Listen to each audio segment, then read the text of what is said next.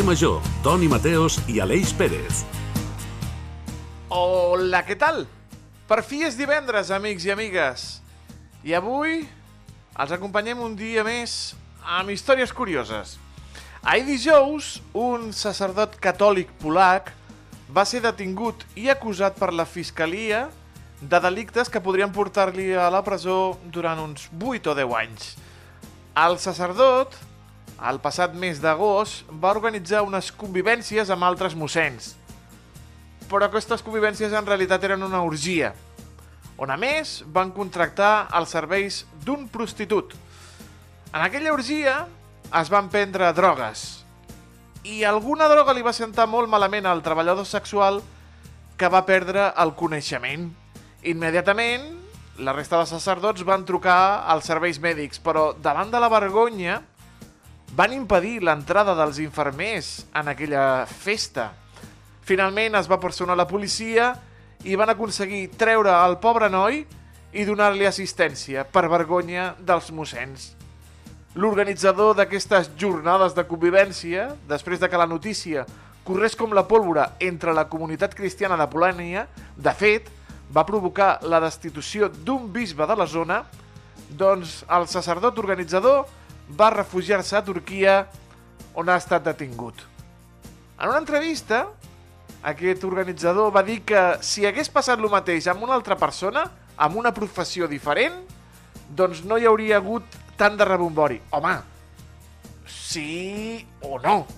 Perquè si en lloc de sacerdots fossin, no sé, polítics, futbolistes, el gremi de fusters, taxistes o advocats, doncs també hi parlaríem d'aquesta orgia. I si fossin periodistes? Aleix Pérez, tu has organitzat mai alguna festa on ha sortit tot malament? A veure, primer de tot, bona tarda, Toni Mateus. A veure, d'organitzar-la jo i que tot sortís malament, no. De fet, les vegades que he organitzat coses han sortit sorprenentment bé, però alguna vegada sí, en alguna festa en ca a casa d'un... De fet, recordo, no, mira, t'explicaré una que va ser la graduació nostra que vam fer un cop acabada la carrera, que estàvem allà en la festa, no? en l'èxtasi de, de la festa, hi havia com un, un, hi havia un, un ànec, de, un ànec de, com dels típics de jardí, saps? Aquells de Ui. decoració. Ah, vale, pensava que era un ànec de, de veritat, No, que no, de a fer veritat, un, un Salvador Dalí. No, no, i, i aquell ànec, doncs, en un moment això de la festa, va haver-hi un, un, una persona, un amic meu, que sense voler el va llançar i va carregar-se un vidre d'una d'una casa que hi havia al costat. Eh, ja està? Com que ja està, a veure, va haver de pagar la, va haver de pagar la, la reparació de finestra. Tu, Toni Mateu, segur que tens moltes històries molt més interessants que les meves. Eh, són les 5 de la tarda i 6 minuts. Ai. Ara no és moment d'explicar històries eh, salvatges. Nosaltres, cada tarda, amics i amigues, organitzem una festa a la seva ràdio local. La festa, com es diu, Aleix? Com es diu? Es diu Carrer Major. Es diu Molt Carrer bé. Major. De 4 a I 6. l'organitzem Ràdio Ciutat de Tarragona, Altafulla Ràdio, Ona la Torre, Ràdio Montblanc, Ràdio Hospitalet de l'Infant, Baix Camp Ràdio, la nova Ràdio de Reus i Ràdio La Selva del Camp. Amb el nostre DJ, avui Viva. és en l'Eric Rosique i els animadors que els parlen, l'Aleix Pérez i un servidor, el Toni Mateos. Benvinguts a la festa de la ràdio al carrer Major. Tot el que passa al Camp de Tarragona t'ho expliquem a Carrer Major. Ole, ole. Sí, què passa? Ole. Vinga, va. Vinga, Anem va. cap a Reus. Anem a parlar amb una persona seriosa, com és el David Fernández, de la nova ràdio de Reus. Aquest sí que és seriós. Sí. Que entrevista a la cantant Lau Noa. Fantàstica, la Lau. Som-hi, doncs.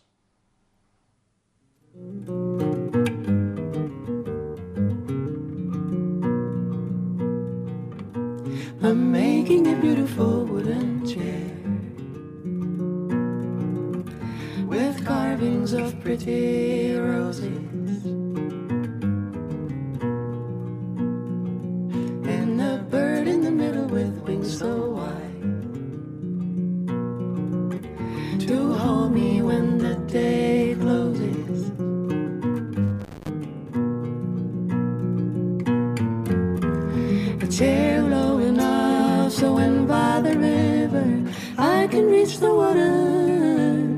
A chair that is strong so when time moves along, my days and my years will not matter. A chair is a chair till you give it a heart. A heart is a heart till músics tocant a la mateixa sala. Parlàvem abans de la pandèmia, això vol dir que la pandèmia ja ha tingut a veure amb aquest segon treball. Crec que la pandèmia ha tingut a veure amb el fet de que va ser quan vaig tenir temps per començar a pujar vídeos a les meves xarxes socials tocant la guitarra i gràcies a això la majoria dels artistes en aquest disc eh, van descobrir la meva música, em van contactar i així vam començar la nostra amistat, no? De fet, expliques que aquest disc és una oda a la cançó i a la guitarra. Dius que, llegeixo textualment, dius, vaig escriure 10 cançons en anglès i castellà i li vaig demanar, atenció, als meus músics favorits del planeta. Sí. Així, a lo gran. Totalment. Uh, potser és així com s'aconsegueixen les coses, posant el llistó alt, no? És l'única manera. Perquè mm, jo recordo que la primera vegada que quan et vaig entrevistar deies es tracta molt de posar-li soltura, no? posar-li morro d'alguna manera. Es tracta d'això? S'ha de posar morro, però crec que morro és bueno, una manera de dir-ho. L'altra és una fe absoluta de que les coses sortiran bé. Si tu dones tot el que tens per donar, no? I cerques la bellesa en les coses i la profunditat i la connexió humana. Crec que això encara avui en dia, amb tota la capacitat tecnològica que tenim, és el que li tira més a la gent. El 2019 ens explicaves precisament que aquestes relacions humanes, aquestes comunitats que havies fet a Nova York, no? doncs amb la gent també immigrant, amb la gent, no? amb, la, Sí. amb músics, doncs, que havies connectat, és el que t'havia permès desenvolupar-te precisament com a cantant, com a músic, no? Absolutament. En un lloc com a Nova York, on hi deus la vida, això, no? El fet de que algú et pugui ajudar en qualsevol cosa, no?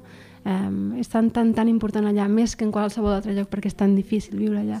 M'ha ensenyat que, que bueno, és una gran part de qui sóc com a persona i com a música avui en dia. Quan vas a Nova York també ho expliques, aquesta paradoxa de que no hi anaves precisament per dedicar-te a la música. No, no, no. Anaves a canviar d'aires, no? Uh -huh. Però suposo que dintre hi havia allò, aquell coquet de la música, no? que va sortir allà a molts quilòmetres de casa teva. Sí, Nova York és la terra més fèrtil. Si tu ja tens aquest esperit artístic, allà es desenvolupa com si fos una aloe vera, no? Va arribar la pandèmia, van arribar aquests discos a les xarxes socials i no sé quina va ser la primera col·laboració mm, que vas lligar, una mica com va anar, no sé si va ser tu que vas contactar amb l'artista, l'artista que va contactar amb tu, qui va ser el primer? El primer va ser el Salvador Sobral. Mira, justament. Um, sí, amb Wooden Chair. Um, ell i jo ens havíem conegut quan jo era un adolescent i ell eh, devia tenir 20-21 anys i estàvem en unes situacions molt complexes, no? l'un i l'altre. I després ens vam perdre de vista durant 12 anys. I la propera vegada que ens vam veure va ser per assajar la cançó el dia abans d'anar a l'estudi. Va ser una meravella retrobar-nos així. I va ser el març-abril del 2022. Dius també dues persones i dos micròfons, gravàvem cada cançó mirant-nos als ulls, a pocs centímetres l'un de l'altre, eh, els enviava a pas dir, no? cadascun un missatge de text, els dona, ens donàvem una data, agafava un tren, un avió, un autobús o el que fes falta i em trobava amb ells en aquell espai sagrat que és una cançó. És bonic, però és que és això l'essència de la música, la connexió, no? Absolutament, sí. No, no sé qui està intentant convèncer-nos de lo contrari, però no crec que ho aconsegueixi. És el que t'anava a dir, sembla que no anem cap aquí, sembla que s'està desvirtuant aquesta, aquest esperit, no? aquesta sinceritat, aquesta honestedat. Sento que, de fet, això juga al nostre favor, saps? Perquè així reconeixem el centre quan no hi som, saps? Això que t'has de perdre per trobar-te. Per tant, que, que sigui benvingut i ens trobarem de nou. Salvador Sobral, que és aquesta cançó que escoltàvem tot just quan hem començat, va ser la primera que vas enregistrar? Uh -huh. Sí, com, sí. com va anar? On la vas enregistrar? No sé, La vaig enregistrar als estudis Sol de Sants a Barcelona, que és el meu lloc preferit on gravar amb un gran tècnic i músic, l'Alberto Pérez. I eh, vam anar allà, el Salvador i jo, i va ser això, no? dues cadires, dos micròfons, un per la guitarra, mirar-nos als ulls i gravar-la. I a partir d'aquí, com surten les altres col·laboracions, Laura? Doncs a pensar això, no? vaig anar a Madrid a gravar amb l'Àngeles Toledano, que grava una cançó amb ella i amb el Benito Bernal, que són dos joves promeses del flamenc d'aquest país, i vam gravar la nostra cançó, a més, en un bar a Madrid al matí, a òpera. I, i em vaig donar compte d'això, ostres, conec músics meravellosos, que són increïbles, són els millors de tots aquests gèneres, no? perquè hi ha des de, des d'una mica flamenc, influència a folk, a country, a bluegrass, a, a ranxera... Um, llavors vaig dir, i si, fe, i si fes això? Em vaig imaginar dues cadires no? en un teatre buit, dues cadires mirant-se l'una a l'altra, què passaria, no? Amb- A qui ompliríem aquesta cadira, no? I és exactament la gent del disc. I suposo que el que ha passat després, què? Màgia? O què? Com ha anat aquesta connexió amb els artistes? Doncs sí, cada... de fet, el fet de que diguessin que sí primer, no? Eh, la confiança que jo tenia primer de que jo els estava oferint alguna que valia la pena. Els estava oferint una peça d'art que jo objectivament sentia era suficientment bona perquè ells els hi poguessin donar el temps i la cura que li havien donat. I ells sentir el mateix, no? És com una espècie d'enamorament amb cada un d'ells, momentari, no? Momentani a, a, això, a les dues, tres hores que vam estar gravant cada cançó. I pensaves cada cançó per l'artista que l'havia d'interpretar en tu o això és una cosa que es va produir després? Normalment escrivia aquestes cançons per mi, en el, jo visc en un subterrani a Queens eh, i, i les escrivia allà, les escrivia en els meus viatges i després, poc després d'haver escrit la cançó, sempre se m'apareixia algú i deia aquesta persona seria perfecta. Tothom que has contactat t'ha dit que sí? Tothom que he contactat m'ha dit que sí. Sí? No t'ha quedat cap espineta d'aquelles que digues... No, a no sé que sigui algun artista que no conegui encara, però ja ho farem, ja. Suposo que això deu omplir, que tots aquests artistes valorin la teva proposta, eh, respectin la teva música i vulguin posar-hi el seu granet de sorra per omplir-la encara més, no? Crec que és una manera molt bonica de fer una carrera, eh, pujar de la mà de la gent que realment haurien de ser no? els advocats de la música, no els, eh, les corporacions grans o les discogràfiques, sinó els músics que es dediquen a la música, que són escriptors ells mateixos i que tenen una reputació dins el món de la música. Per mi ha sigut un, una hora enorme no? eh, i un reconeixement molt bonic. I un privilegi poder-ho fer també al marge de grans companyies, de grans empreses que, mm, bueno, que et redirigeixin una mica. En aquest cas, doncs, no hi ha cap companyia discogràfica al darrere que dongui suport a la teva proposta, sinó que és una cosa perquè tu t'has espavilat, parlem clar, no? Sí, sí, és una... jo ho, self, ho, ho produeixo, self, ho autoprodueixo, ho, ho, ho autogestiono tot i crec que això en aquest moment ha jugat al meu favor perquè tots aquests artistes amb els que he gravat tots tenen discogràfiques molt grans i contractes molt grans i han fet moltes exempcions, no molts... Eh, um, no, no vull dir favors perquè no han sigut favors, però sí que s'han saltat normes de com funcionen les coses justament perquè jo venia com un artista independent i era una cosa que els seus artistes volien fer a marge dels seus contractes i les seves normes. Uh -huh. Déu-n'hi-do, que bonic tot plegat, eh? M'agradaria que escoltéssim alguna de les cançons, que no bé. sigui la del Salvador Sobral. Sí. Esculla'm alguna de les cançons que ja portem publicades fins ara. Doncs mira, et diria que la del Jacob Collier, potser, If a Tree Falls in Love with a River. I per què aquesta? Suposo que va ser un impuls important, no? Va ser la primera, va ser el primer single que va sortir. En maig de l'any passat. Sí, exacte. I a partir d'aquí suposo que molta gent devia obrir els ulls i devia dir qui és aquesta noia? Qui és la Launoa? T'hi has trobat amb això? Sí, clar, totalment. El Jacob té molt d'abarcament, no? molt de públic i, i a més és una bandera per tota la música de qualitat. Llavors que ell estigués darrere d'aquesta cançó també va ser un obrir una porta molt bona. No? If a tree falls in love with a river, cause the sun makes her golden and bright, can the tree understand and forgive her for the darkness she carries at night? For the darkness she carries at night. If the spring paints her eyes green with laughter, and the winds rush her hair from the skies.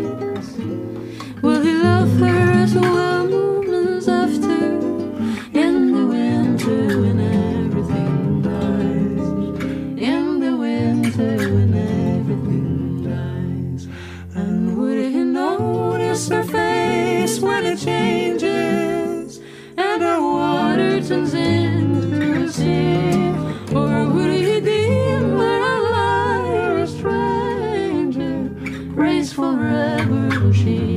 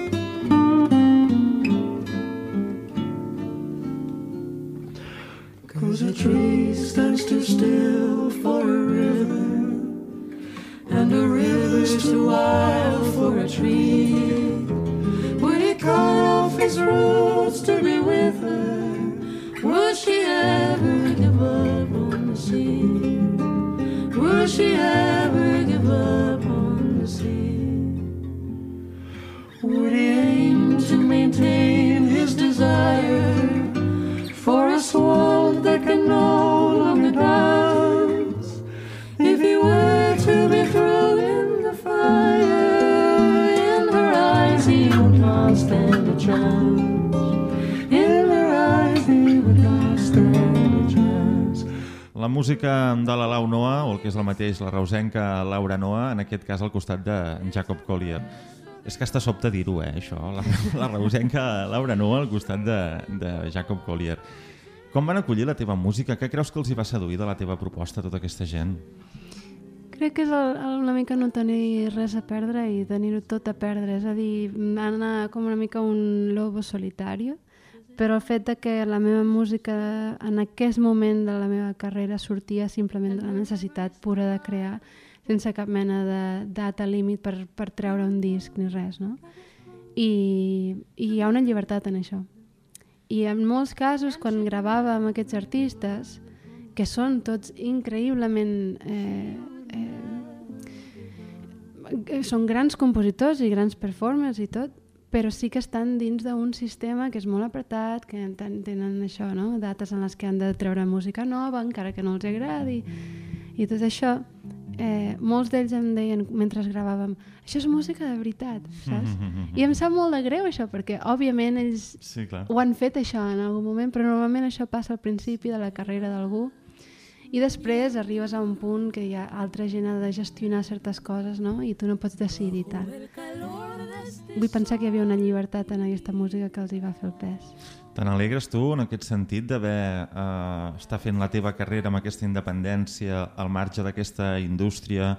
Suposo que això et permet poder mantenir encara el teu missatge, poder mantenir aquella essència que, bueno, de moment encara veiem que no s'ha pervertit, no? No, no, i espero que no passi mai. Crec que, ho- honestament, eh, tinc 29 anys. Quan passes tots els teus 20 treballant de cambrer, de cangur, de passejant a gossos i coses així, eh, aprens certes coses i en una ciutat com a Nova York no? aprens que sense els teus principis no ets res i crec que això em protegeix i em protegirà, esperem, per resta de la meva carrera. Cançons en castellà, cançons en anglès... En català n'hi ha alguna en aquest disc? En aquest disc no n'hi ha cap, però és, està pendent segur. No has fet cantar en català a ningú? no. Home, hagués estat bé també, no? Sí, tant, mira, potser el Bruce Springsteen a la propera, no? Sí, home. bueno, el Bruce Springsteen potser ja està més dintre d'aquest sistema i d'aquesta indústria que dèiem. Eh? Però mira, t'he de dir, vaig conèixer el Jackson Brown a Los Angeles, que sí, vam vaig veure que havies coincidir. tocat amb ell alguna cosa. Sí, o- sí, vam coincidir en un concert, em vaig asseure al seu costat i no sabia qui, no el vaig reconèixer i vam acabar parlant i em va convidar al seu estudi el dia següent i vam tocar junts i em va passar una nota de veu d'una traducció que havia fet ell cantant el Boig per tu en anglès. Uau. Boníssim, Uau. preciós. Sí, sí. Carai, si això se n'entera el Pep Sala, encara estarà aquí trucant al Jackson Brown per fer alguna, alguna col·laboració. Segur que ho sap, eh? Pot ser, Sí. pot ser, pot ser. Què tal això de tocar per Europa? 18 concerts entre novembre i desembre, no? T'hem pogut veure a Anglaterra, Irlanda, Alemanya, a França, no? Conjuntament amb el Ben Folds. Com ha anat l'experiència? Tornar a Europa, no? No ho sé. Doncs sí, mira, t'explico perquè hi ha dues històries això. La primera és que l'experiència va ser preciosa. Vaig fer nou concerts al Regne Unit amb el Ben Folds, eh, entre elles al Royal Albert Hall, que va ser un dels moments més bonics Ara a preguntar. de la meva carrera, perquè és un lloc molt emblemàtic. Jo veia allà els músics més grans del món tocar, no? de petita, veia aquells vídeos i, i em vaig trobar allà jo sola amb la guitarra no? davant d'un públic de 5.000 persones. És de les coses més boniques que he fet. Però a la meitat d'aquesta gira em ve el, la gent del Ben Folds a dir-me que tota la gira d'Europa es cancela perquè el Ben Folds té tendinitis i no pot seguir la gira. Llavors jo ja havia comprat tots els vols, tenia dues opcions, una tornar a Nova York o fer el que vaig fer, que va ser fer un post a Instagram i dir, mireu, tinc aquests vols i tinc molt d'amor per donar encara, qui em vol donar un concert? I en tres dies vaig aconseguir una gira de 15 concerts per la resta d'Europa en dues setmanes, Uau, que mira, va ser una meravella. Sí, va ser preciós poder-ho fer això juntament amb un grup de, de desconeguts no? que els agrada la meva música.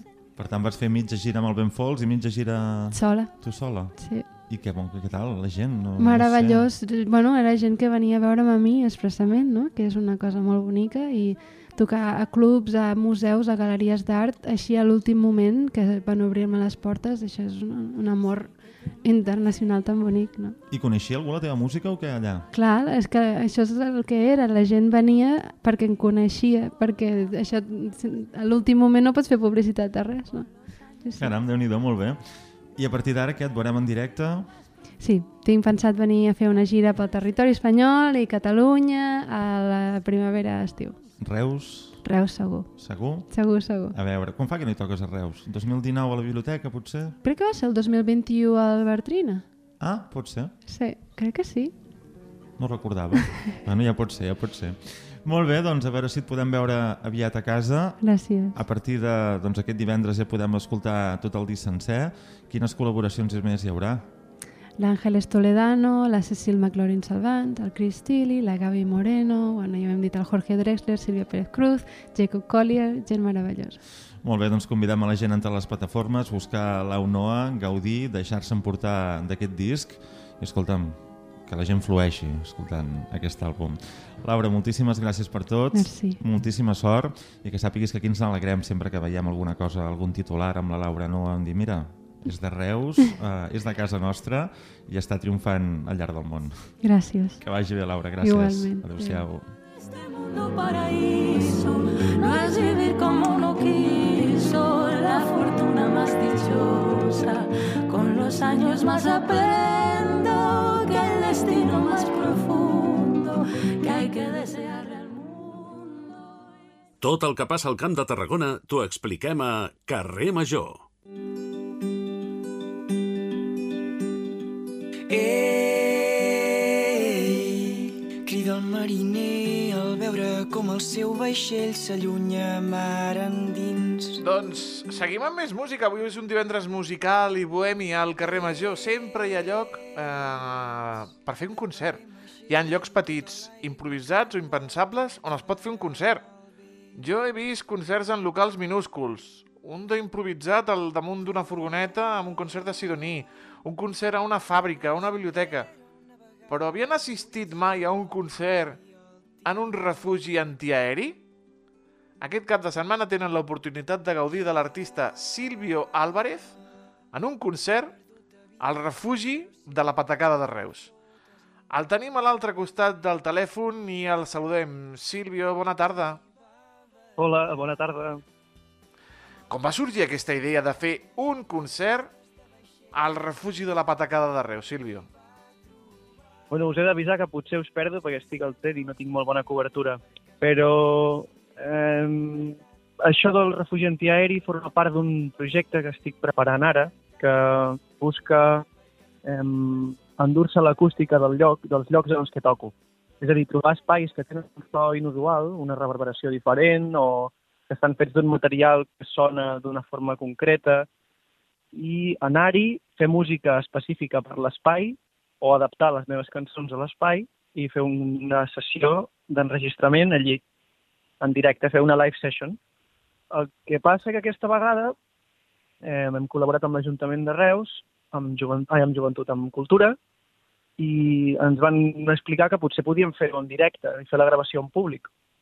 Així que ho hem obert al públic de forma extraordinària perquè no era la intenció i no res, aquesta és la segona entrega de gravacions que farem en espais inusuals. La primera va ser el, el Teatre Bertrina i aquesta vegada doncs, el refugi antiaeri, que és un lloc que sona super especial, té una reverberació super curiosa i, i res, portarem uns temes nous que estem preparant, que encara no hem publicat. De fet, eh, els publicarem aquest gener i no res, ho publicarem després en vídeo a YouTube perquè ho pugui veure tothom Doncs estarem atents també en aquest vídeo. Sílvio, et volia preguntar també, és això, si és potser aquest lloc el més estrany on has fet un concert, perquè entenc que el Teatre Bertina, tot i que tu el qualifiquis d'inusual, més o menys sí que es pot esperar dins eh, d'això. Hi ha algun espai potser encara més complicat o més estrany que aquest refugi antiaeri? Mira, doncs, um, ja tenim preparats una, uns quants espais en els que tocarem.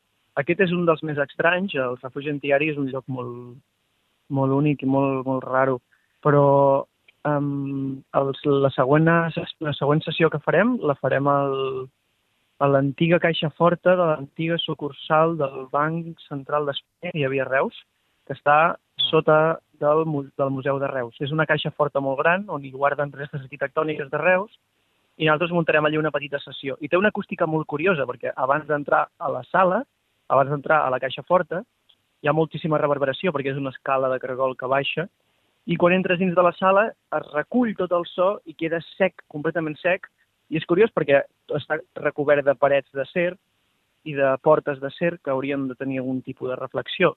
Però, curiosament, sona super sec i, no sé, vam trobar que era un espai molt interessant i farem una tercera sessió allí. En tenim unes quantes més de preparades, però ens volem guardar la sorpresa i el secret. Encara no podem parlar. Perquè, Sílvio, has parlat de la sonoritat del, del refugi de la Patacada. Has parlat de la sonoritat de la caixa forta aquesta del Banco d'Espanya d'allà de, de, de Reus. Per tu l'acústica és, és també importantíssima, un espai d'experimentació, potser? Sí, definitivament. Aquest últim projecte amb el que estic treballant, que és el projecte amb el que publicarem aviat, em, va justament d'això, d'espais liminals, espais amb una acústica específica que, bueno, que busquen, busco, busco crear música amb la intenció de fer que l'espai també sigui un instrument i, i um, afegir-lo dins de la, del procés creatiu dels meus nous temes. No deixen de ser la meva música com a songwriter o com a cantautor, no deixa de ser la meva pròpia música, però moltíssima més electrònica i un concepte molt més experimentador. He estat estudiant molt la física del so, amb classes d'acústica i he estat eh, investigant per la meva compte i, bueno, com que estic treballant de productor, inevitablement em trobo molt a prop del món de l'acústica i de la física del so. Llavors, no he pogut evitar introduir-ho en aquest nou projecte. I, tot, Sí, i tota aquesta feina, Sílvio, també una mica com influeix en la teva faceta com a cantautor, perquè al final, no oblidem que ets un cantautor, també influeix en certa manera a l'hora de, eh, doncs de, de crear cançons o de, o, de, o de crear també amb la música, entenc que va acompanyat de la mà. Ho ha canviat tot, definitivament. Eh, de fet, aquest tema que sonava just ara quan quan heu trucat, que hem posat d'introducció, no té res a veure amb la música que estic fent ara, tot i que no, no ho podeu saber perquè tampoc l'he publicat encara. A finals de gener publicaré un dels temes nous, o un parell, i podreu comprovar com ha canviat tot. Però definitivament mm, en- entrar dins el món de la producció ha canviat del tot la meva forma de percebre la música i d'entendre quina persona, quin, quina identitat artística tinc i qui sóc i no, no, tinc, no tinc res a veure amb qui era abans. De fet, part de la gràcia és que encara no ho sé qui sóc. Simplement estic gaudint d'aquest procés. Un nou Sílvio? A New Sílvio? A New Silvio total. A més a més, eh, Sílvio, com tinc entès que a tu t'agrada experimentar, t'agrada adaptar-te als espais, eh, t'agrada doncs, submergir-te, eh, gaudir de la textura, dels materials. Eh, sona diferent eh, si toques, per exemple, al refugi antiaeri, a si toques al castell del Pavorde, per exemple, aquí a la Selva del Camp? Sí, completament. Mm, el que busco amb aquest tipus d'experimentació és no avorrir-me. No avorrir-me de mi mateix, no avorrir-me de, de les meves cançons, no avorrir-me de- d'això, de la meva identitat artística. Però les lletres, les lletres han canviat, la del, la del anterior Silvio al Silvio d'ara? Sí, són bastant fosques, són més madures, diferents. Cada... Ui, l'estem perdent, com ha dit que estava en Sí, el tren, sí estem perdent una mica el Silvio, eh, mentrestant que soni, soni la seva música, a veure si el recuperem, si el podem recuperar. Recordem- hola. Silvio, est- estàs per Sí, aquí? ara, ah, perfecte. fantàstic, fantàstic. Dic sí, que- però estic entrant a túnels. Sí, Ai, amic meu, de els trens, ai, la Renfe, sempre ens porten aquestes coses. Eh, podríem dir que els teus concerts són únics i irrepetibles, Sílvio? Sí, no ens escolta. Ara ja... E- És curiós, no?, perquè ell fa un concert en espais únics, però no sé si tampoc s'esperava fer una entrevista en un espai també tan especial com és un tren, no? Home, podria fer un concert a, a, un vagó de tren. tren. Sí, sí, a veure, s'han fet monòlegs en un vagó de tren, se n'han fet. Eh, ja saps que els vagons de tren sempre estan plens de gent i un, bueno, concerts a un vagó de tren també se'n fan. De en metro, quant. també se n'han sí, fet Sí, amb- que al metro, quan ve Però aquest més metro el- que tren. Tren com a tal. Sí, però met, tren també, eh? Quan apareixen allà amb aquells altaveus i tot això. Estàvem parlant amb el Silvio Álvarez, aquest eh, cantautor reusenc, que demà, si no tinc mal entès, Sí, farà un mateix, concert... les Digues, per... 8, sí. digues, Alice, Sí, perdona, sí. digues. No, no, deia això, que aquí és, és demà a les, a les 8, si no m'equivoco. A les 8 de la tarda doncs, farà aquest concert al refugi de la Patacada de Reus. Poden aconseguir les entrades eh, a través de la pàgina web de l'Ajuntament No, no, de Reus. que- En les... Digues, M'ha perdona. m'han arribat, m'ha arribat un d'això que, que han dit que no, que estan exaurides ja, que és una Ja experiència concreta per una vintena de persones, no per més, és una experiència única que tenen la sort de viure aquestes gairebé 20 persones que hi podran ser, però bueno, com ha comentat el Silvio, es podrà recuperar al seu canal de YouTube, ja que es gravarà, s'enregistrarà tota aquesta sessió. Fantàstic, doncs ja ho saben, amics i amigues, ho podran veure ben aviat. Eh, donem les gràcies Sí, a donem Silvio Álvarez, el cantautor resenc, i ens en recordem de Renfe i dels túnels i de la mala I cobertura, i anem amb els tonis.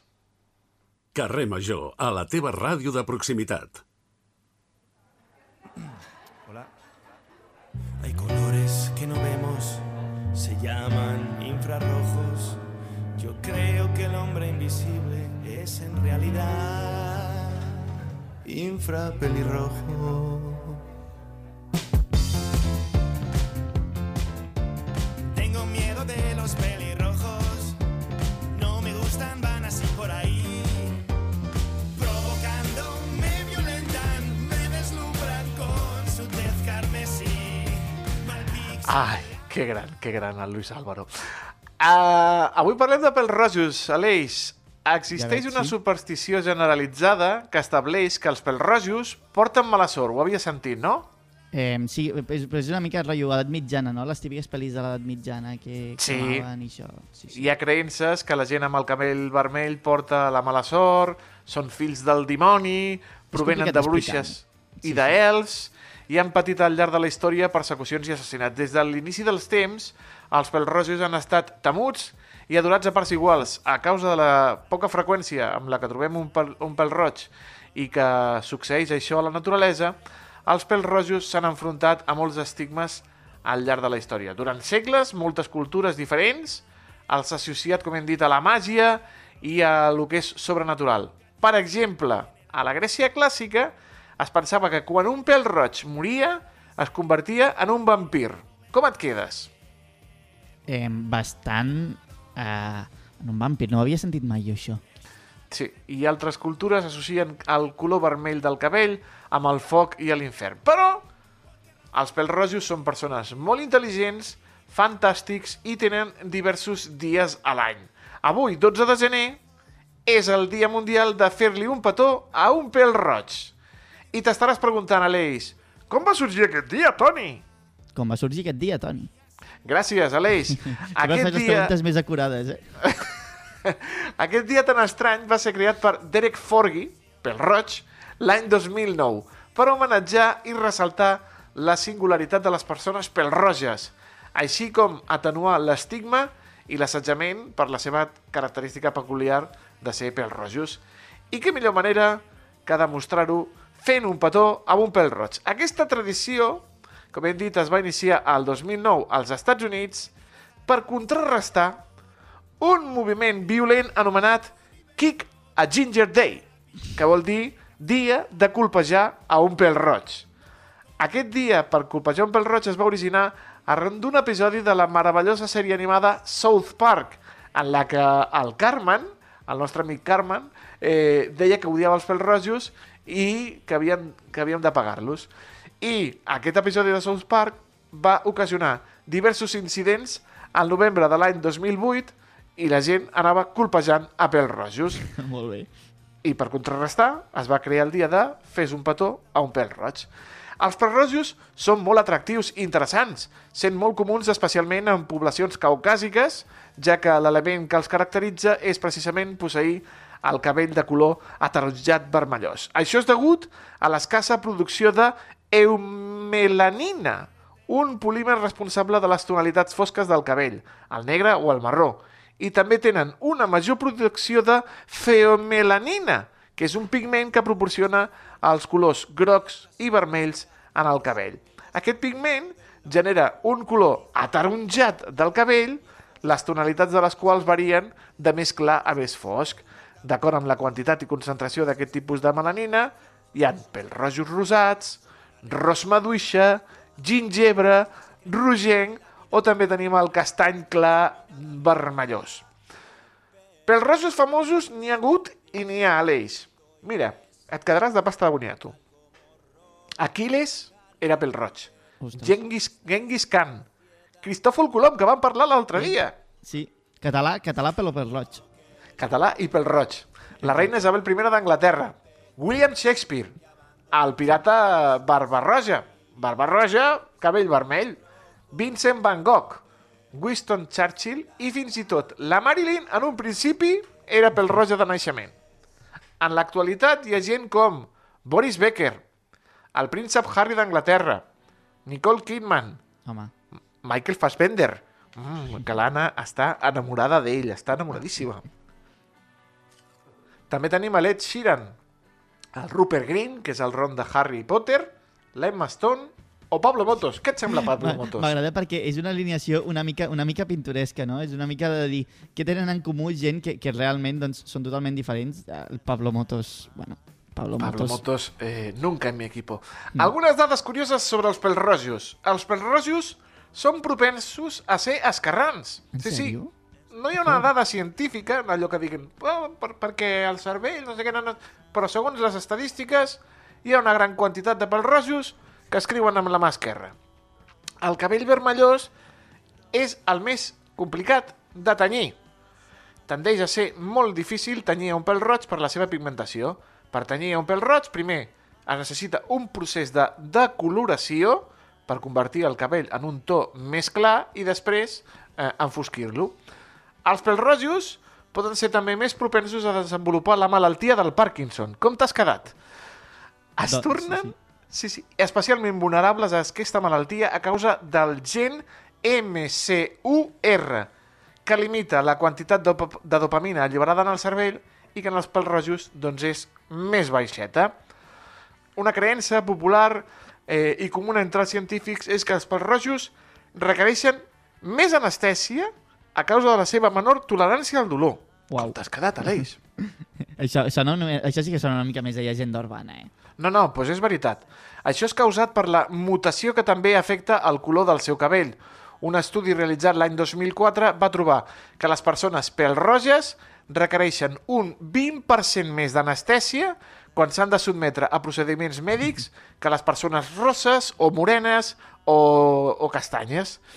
També pateixen hematomes més fàcilment com tenen la, el melanoma, doncs també, eh, perdó, les persones pèl-roges també són més propenses a desenvolupar un melanoma. Pobrets, mare de Déu, senyor. Quantes coses, Són- eh? Pobres... Sí. Tenen moltes coses i com poques bones, eh? Poques bones.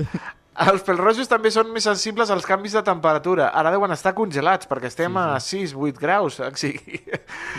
Els científics creuen que és degut al gen MCUR, que també ha mutat els seus sentits. Mira, el que allibera la dopamina en el cervell. Ai, pobrets pèl-rojos. Els pèl-rojos, com hem dit, conformen una mica més del 1% de la població mundial i on estan els pèl-rojos? Doncs en els següents països. N'hi ha molts pèl-rojos a Escòcia, a Irlanda, a Noruega, a Islàndia, a Dinamarca, a l'occident de Suècia... Veus? A l'Orient de Suècia, tenen no, a l'Orient de Suècia no, no vagis perquè no te'n trobaràs ni un de per roig. Occident, Occident. Occident de Suècia, Orient de Suècia, no. Al nord d'Alemanya, al Regne Unit, a Bèlgica i a Països Baixos és on més quantitat de pèl-rojos es concentren. Avui 12 de gener, Dia Internacional de fer-li un petó a un pèl roig. Però, Aleix, Digue'm. eh, tu ets... Eh, tens el cabell així moreno, no? Sí, ja bastant moreno. Fosquet. Ma germana Així- sí que té una mica... Ma germana sí que té una mica de... de... És una mica pèl roja. Quan li toca molt el sol sí que es torna pèl roja. pues fes-li un petó. Li faré un petó a ma germana, sí. Fes-li un petó. I amics i amigues, també ens poden fer petons en altres si ens Sí, troben tant. pel carrer. Eh? O sigui, l'Eric Mateos, Rosique també, a qui avançades. sigui, qui sigui. Millor que ens facin petons que no allò del Kika Ginger Day, allò de colpejar Sí, sí. un pèl roig. Molt millor. Mira, curiositat sobre els pèls rojos. Eh, avui, als Tonis, aquí, al carrer Major. Carrer Major, al Camp de Tarragona, des de ben a prop.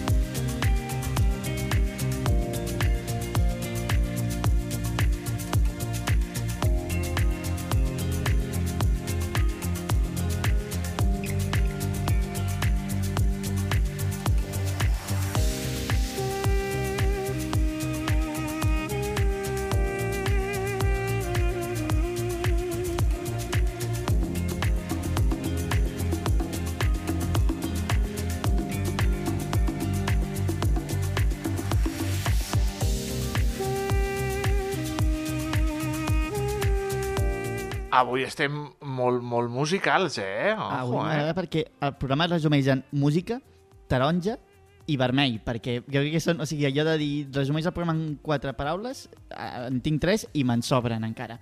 Eh, T'anava a dir, estava començant a escoltar al principi d'aquesta banda sonora i he dit, això vols dir que és molt del Camp de Tarragona?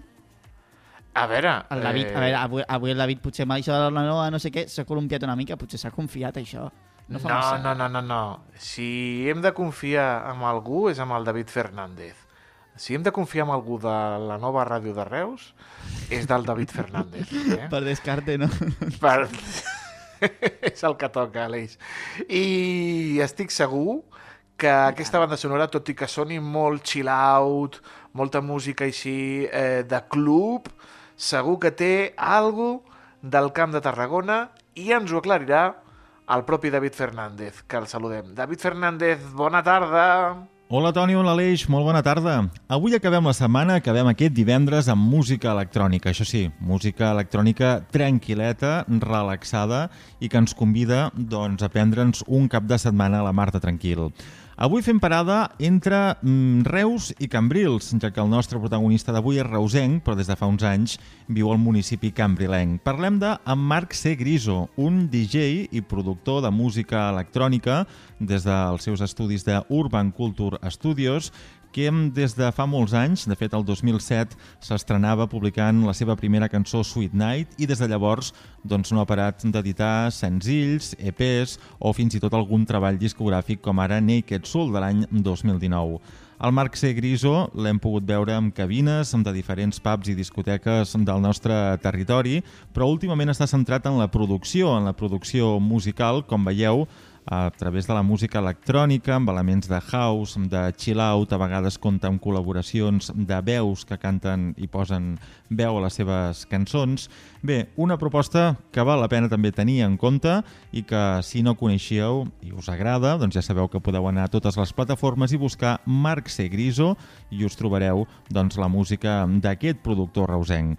Avui, doncs, aquesta cançó que es va estrenar, per cert, el passat 17 de desembre, una novetat que ens havia quedat pendent de l'any passat, es diu Ikigai i és la banda sonora del dia del carrer Major.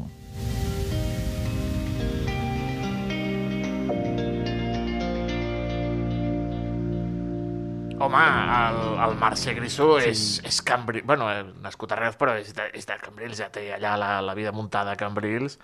Eh, bon Jan, bon Jan, el, el Marc. bon Jan, el Marc, bon Jan, l'Aleix, i bona xiqueta, Sí, sí. la nostra estimada Cristina Artacho. Anem amb la furgó. Anem, anem. Ah, com cada dia, la Cristina Artacho aprofita per viatjar. I avui, fins on ha anat? Li preguntem. Cristina Artacho, bona tarda. Bona tarda i benvinguts un dia més a la Furgo. Avui una Furgo que sembla treta de, del 2020, perquè som una altra vegada amb mascareta i és que som a Joan 23, que com ja sabeu, ara una altra vegada als centres sanitaris és obligatori portar la mascareta per aquest repunt de, de virus i grips. M'acompanya la doctora Núria Vilanova, que és la coordinadora de, de donants de, del Banc de Sang i Teixits al Camp de Tarragona i a les Terres de l'Ebre. I m'acompanya ella perquè des d'ahir va començar a tota Catalunya la Marató de Donants de Sang.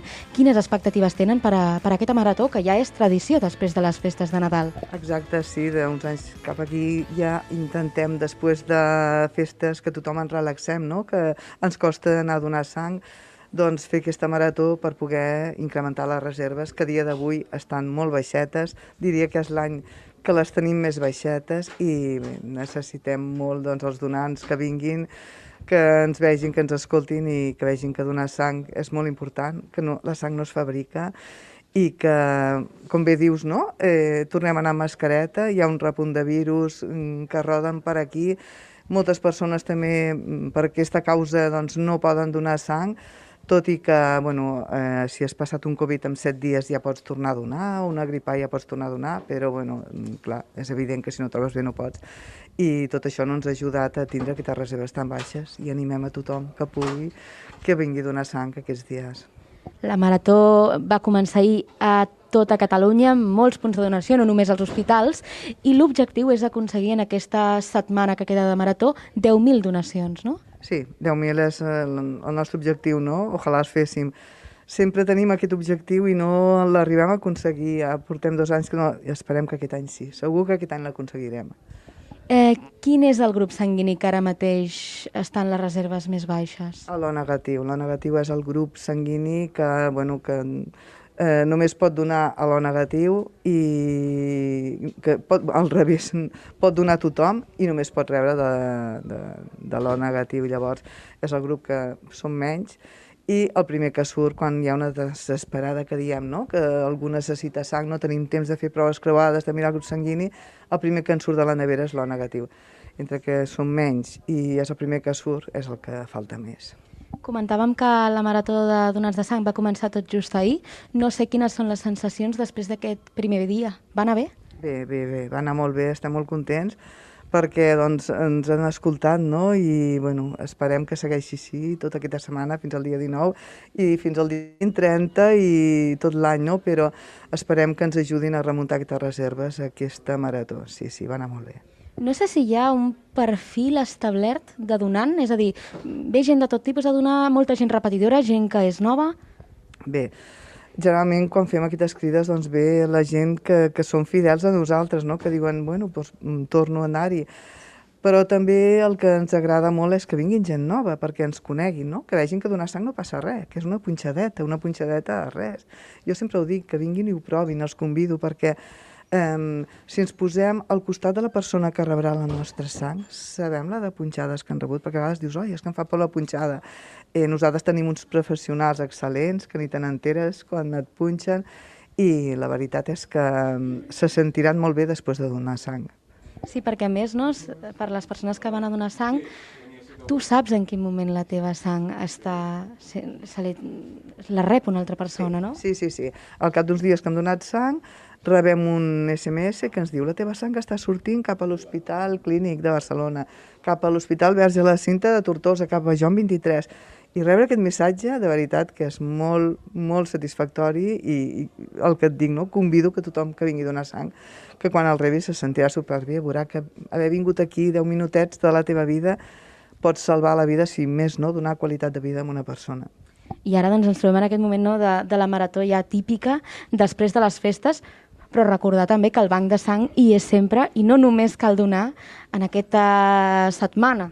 Sí, sí, evidentment. Pensem que cada dia, a Catalunya, cada dia, es necessiten mil donacions de sang. Avui, mil persones rebran sang. O sigui que si no és pel nostre braç eh, que posem solidari altruistament, no podríem transfondre en aquestes mil persones. És cada dia que es necessita. Comentava també, ja per anar acabant, que a nivell de Catalunya necessitem 10.000 donacions, o seria l'objectiu l'ideal durant aquesta setmana. Eh, com a coordinadora al Camp de Tarragona, el, quines serien les xifres ideals en, a la demarcació? Nosaltres sempre quan parlem de xifres parlem a nivell eh, de Catalunya. Eh? Necessitem a nivell de Catalunya. Som un banc de sang únic eh, eh, que som una empresa pública que depenem del CatSalut i sempre som eh, únics, tenim una central a Barcelona i ells són els que tota la sang, tota la que es dona va a Barcelona, se processa, es fracciona i es distribueix, s'analitza i es distribueix a tots els hospitals de Catalunya. Vull dir que tota la sang d'aquí se'n va a Barcelona, tota la sang de Lleida va a Barcelona, tenim una, un banc de sang únic, que és el que ens distribueix després a tots els hospitals de Catalunya les comandes que fa. És a dir, que és indiferent realment si donem a l'Hospital Joan 23, a, a l'Hospital Clínic, que la nostra sang pot arribar a qualsevol indret de Catalunya. Ningú, per sort, es quedarà sense sang, mai. Doncs moltíssimes gràcies a la Núria Vilanova, la coordinadora del Banc de Sang i de Teixits aquí al Camp de Tarragona i a les Terres de l'Ebre. Ens quedem amb aquest missatge de tothom qui pugui fer-ho, que vagi a donar sang, que de ben segur ajudarà persones que ho necessiten i mai sabem si serem nosaltres qui necessitarem aquesta sang. Moltíssimes gràcies, doctora Vilanova, i nosaltres ens veiem a la propera furgó. Fins la propera. Adeu. Gràcies, Cristina. Recordin, amics i amigues, amb una vegada no n'hi ha prou. Eh, vagin a donar sang. I si a més a més eh, és un petit gest que no costa res i que pot salvar moltes, moltes vides. Tu ets donant, Aleix?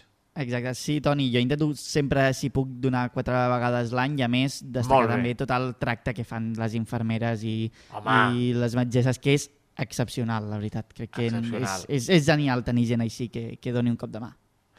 Nosaltres tornem dilluns. Que passin un Bon molt bon de cap se- setmana. de setmana. Bon cap de setmana, Aleix. Igualment, adeu.